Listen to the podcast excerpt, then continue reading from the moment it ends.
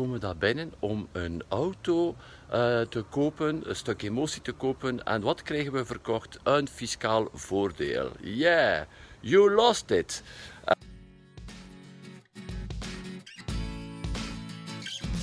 Welkom bij de Business Lab Morning Run. Als je een eenmanszaak of een kleine BV hebt, dan is deze podcast voor jou. Ik ben Xavier de Baren, medeoprichter van Business Lab. Elke werkdag na het hardlopen in de vroege ochtend vertel ik alles wat ik weet om een succesvolle ondernemer te worden. Dankjewel dat je erbij bent. Uh, vijf dagen lang ga ik het hebben over verkoop. Uh, samen met dan zijn we een uh, nieuwe training aan het opzetten rond verkoop. En zaterdag we waren even op pad en zeggen laat ons even een, uh, een concessiehouder uh, binnenlopen, een, een autogarage binnenlopen. En uh, laat ons uh, een auto kopen, of tenminste daar binnenkomen met het idee van een wagen te kopen. En laat ons kijken wat er gebeurt. Nu, we waren in de streek van Roeslaren. We springen de concessie binnen van een welbekend Zweeds veiligmerk. En... Uh, we komen binnen met z'n twee en Anne neemt het woord en zegt: Ik ben op zoek Ehm, naar eh, deze wagen hier. Ik vind dit een, eh, eh, ik vind dit een toffe wagen, de CX40.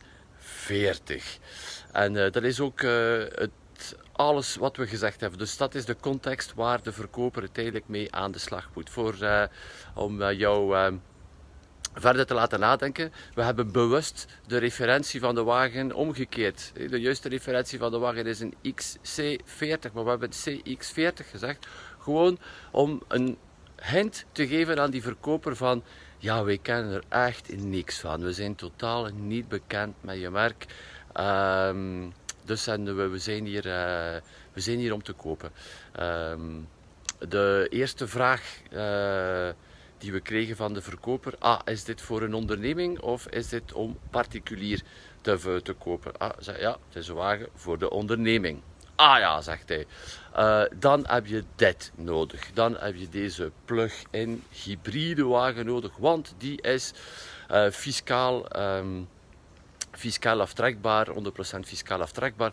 Al de rest moet je zeker niet kopen, want dat gaat veel te duur zijn. Uh, en, uh, en DV, en rijtax, en voordeel alle aard, en bla bla bla bla bla.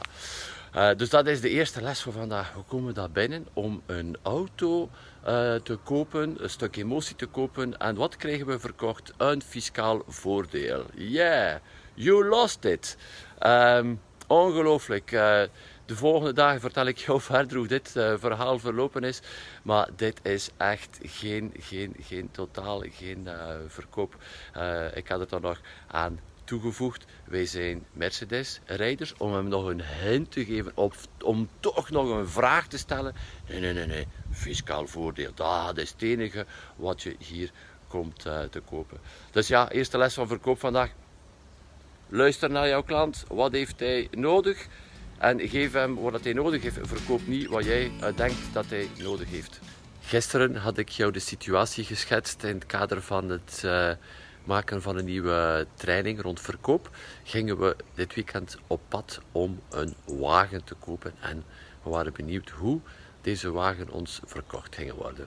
Gisteren hebben we gezien in de vorige morning run dat het enige dat het verkenningsgesprek van de verkoper zich beperkte tot uh, één vraag. Ga je deze wagen inschrijven op de onderneming of als particulier? Dat was de enige vraag die we kregen en dit leidt ons vandaag tot de volgende situatie. We staan in de showroom en de man zegt ja, dan wordt het deze T4 of deze T5. Mm -hmm. Oké. Okay. Uh, hij laat ons twee mooie wagens zien, alle twee een zwarte kleur. Uh, op het eerste zegt volledig eh, dezelfde, dus ja, T4 of T5. We wagen ons toch om te vragen wat het verschil tussen de twee is. En het antwoord die we kregen, ja, de pk's. Oké, uh, dus we antwoorden met een andere afkorting. Oké dus. En uh, de man gaat verder. Ja, uh, met deze wagens, de VAA ligt heel laag en er is ook op dit ogenblik nog geen BIV, want ze zitten onder de 50 gram en het zijn alle twee 1600. ja, oké, maar waar heb je het over? Uh, ik heb nu al een klein beetje voorkennis van wagens en zo verder en ik weet wel ongeveer waarover het gaat. Maar 90% van de klanten die daar de showroom uh, binnenkomen, die hebben totaal geen benul waar hij het over heeft. Allemaal jargon, technische termen, afkortingen.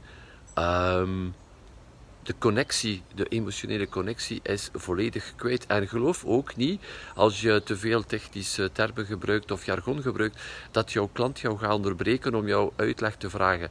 De meeste mensen krijgen gewoon het gevoel dat ze de domste zijn eh, van de klas en gaan ook eh, zelf geen uitleg durven te vragen. En bam, zo de emotionele connectie kwijt. En dit is een fout die heel vaak gebeurt bij verkoop, is dat we ons verliezen in technische termen, in jargon, in afkortingen. Ja, wat we zijn zelf zo gewoon om om te gaan met ons product, ons dienst. We hebben het uh, heel vaak uh, ook gecreëerd als kleine onderneming, dus we zijn er ook uh, weg van.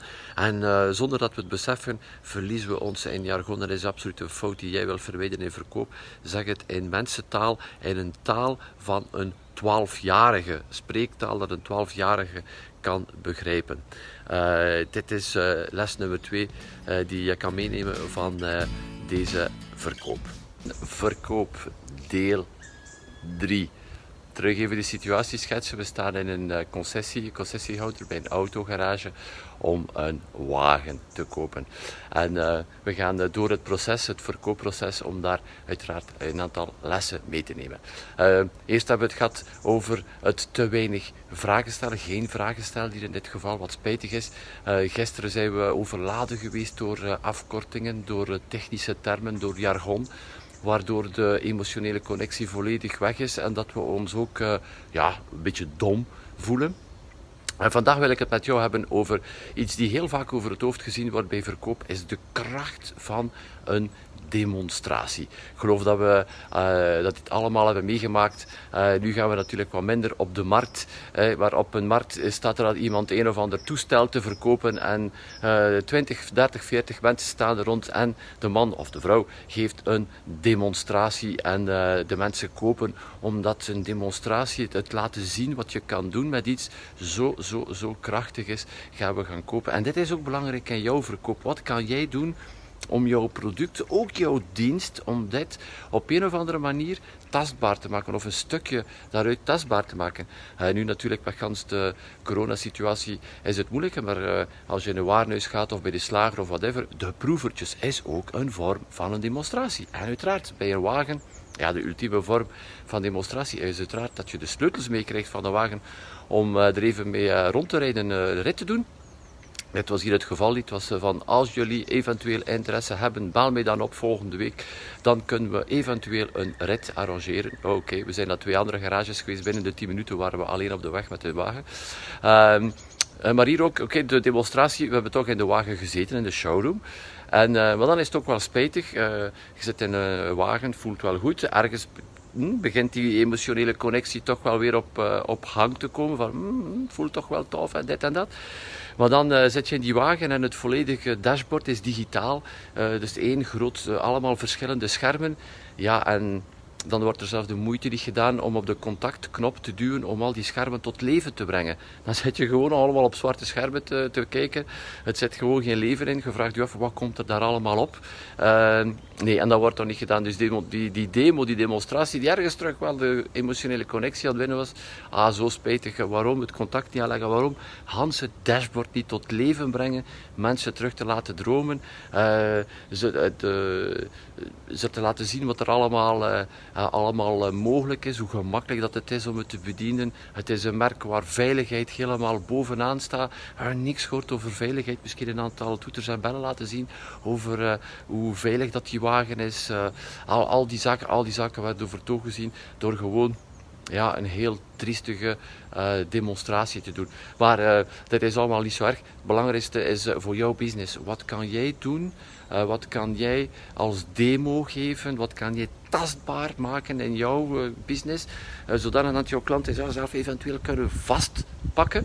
Ehm, dit maakt een wereld, een wereld van verschil. Een demonstratie ehm, heeft altijd meer waarde dan, dan het beste verkoop praatje. Dus iets om over na te denken vandaag. Welke demonstratie kan jij geven bij jouw volgend verkoopgesprek? Verkoop deel 4 We gaan verder in een aantal inzichten rond verkopen. En wat mij eh, opvalt is dat verkopers veel te veel de neiging hebben om hun klant, potentiële klant, te overtuigen, gelijk te willen hebben. En uh, dit is niet echt een strategie die je wel als verkoper uiteindelijk, het is ook terug een rechtstreekse consequentie van onvoldoende te luisteren naar jouw klant. Uh, maar de situatie terug, we staan nog altijd in de autogarage en dan komt de vraag van, uh, dan vraag ik naar de vraag naar de prijs. En dan krijgen we een prijskaartje en zeggen, oei, ik zeg, dat is toch wel precies een heel stuk meer dan, dan die andere modellen die hier staan. Dat scheelt toch wel 15.000 euro.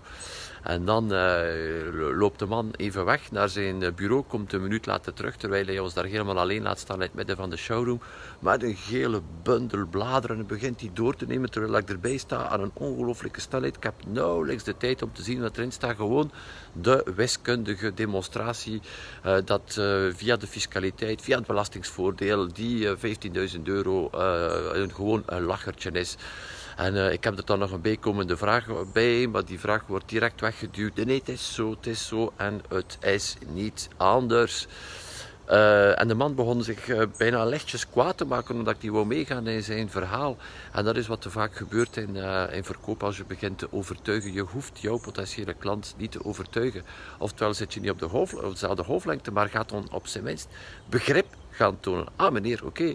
En wat maakt dat u de zaken op deze manier bekijkt? Ah oké, als ik uh, jouw standpunt hoor, dan, uh, dan kan ik er wel in komen. Maar kijk, misschien is het wel interessant om een keer uh, naar deze kant van de zaken te kijken. En dan leg je eventueel twee mogelijke opties op tafel en laat aan de klant de keuze om voor het ene of voor het andere te kiezen. Maar we hebben de neiging om veel te veel te gaan overtuigen. Overtuigen is ook een teken dat eh, de verkoop onvoldoende voorbereid is, dat nog niet voldoende opgebouwd is via de marketing of via het opbouwen van, van de relatie. Dus denk erover na iedere keer dat je jezelf betrapt op het overtuigen van jouw klant, van jouw potentiële klant. Op, even stapjes achteruit, stapje achteruit, terug gaan luisteren. Wat heeft hij nodig?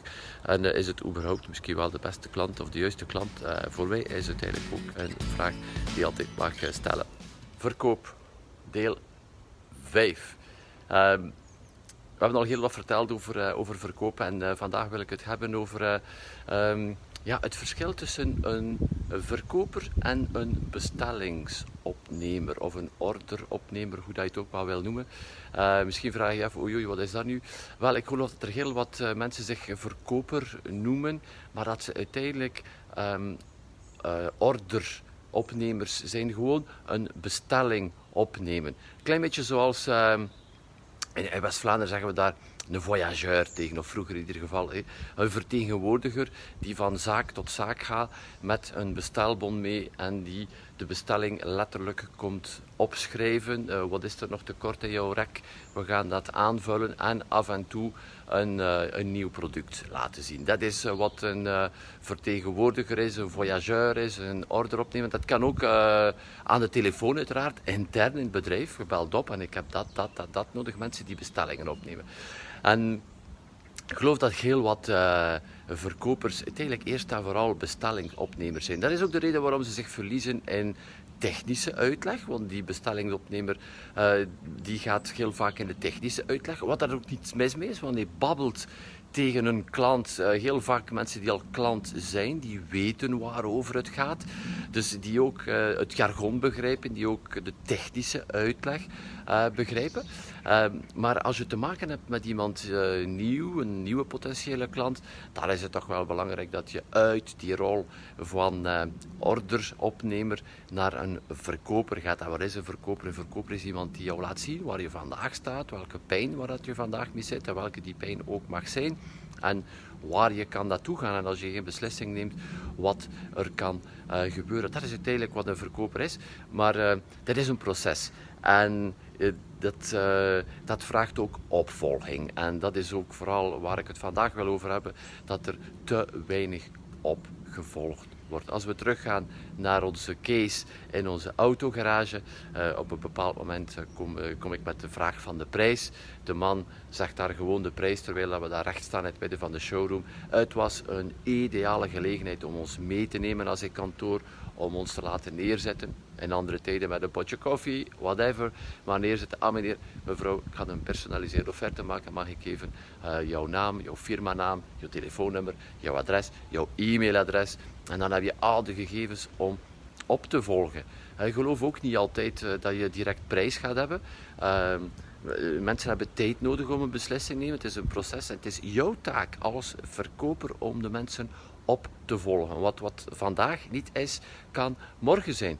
Uh, misschien in een keer zeggen, oei, oei, oei, het is toch wel precies veel geld om dit te laten herstellen. Ik zeg nu maar iets en, de week erop is het nog te veel geld. Maar in één keer, drie weken later, zit de ergernis zo hoog dat in één keer geen probleem meer is. Maar als jij dan opbelt, als jij dan opvolgt, als jij dan die e-mail zendt om op te volgen, bam, dan heb je de zak gegarandeerd binnen.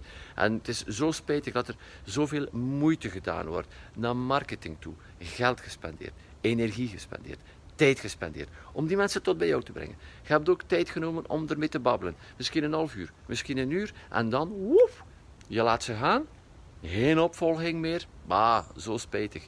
Uh, dus dat, dat, is mijn uh, advies voor jou vandaag. Uh, blijf opvolgen, blijf opvolgen. Ook koopt jouw klant, potentiële klanten niet bij jou. Ook dan blijf je opvolgen. Dan hoor je tenminste wat zijn beslissing was, waarom hij niet bij jou gekocht heeft en wat je misschien kan veranderen in de toekomst toe aan heel het verkoopproces om de volgende klant toch tot bij jou te brengen.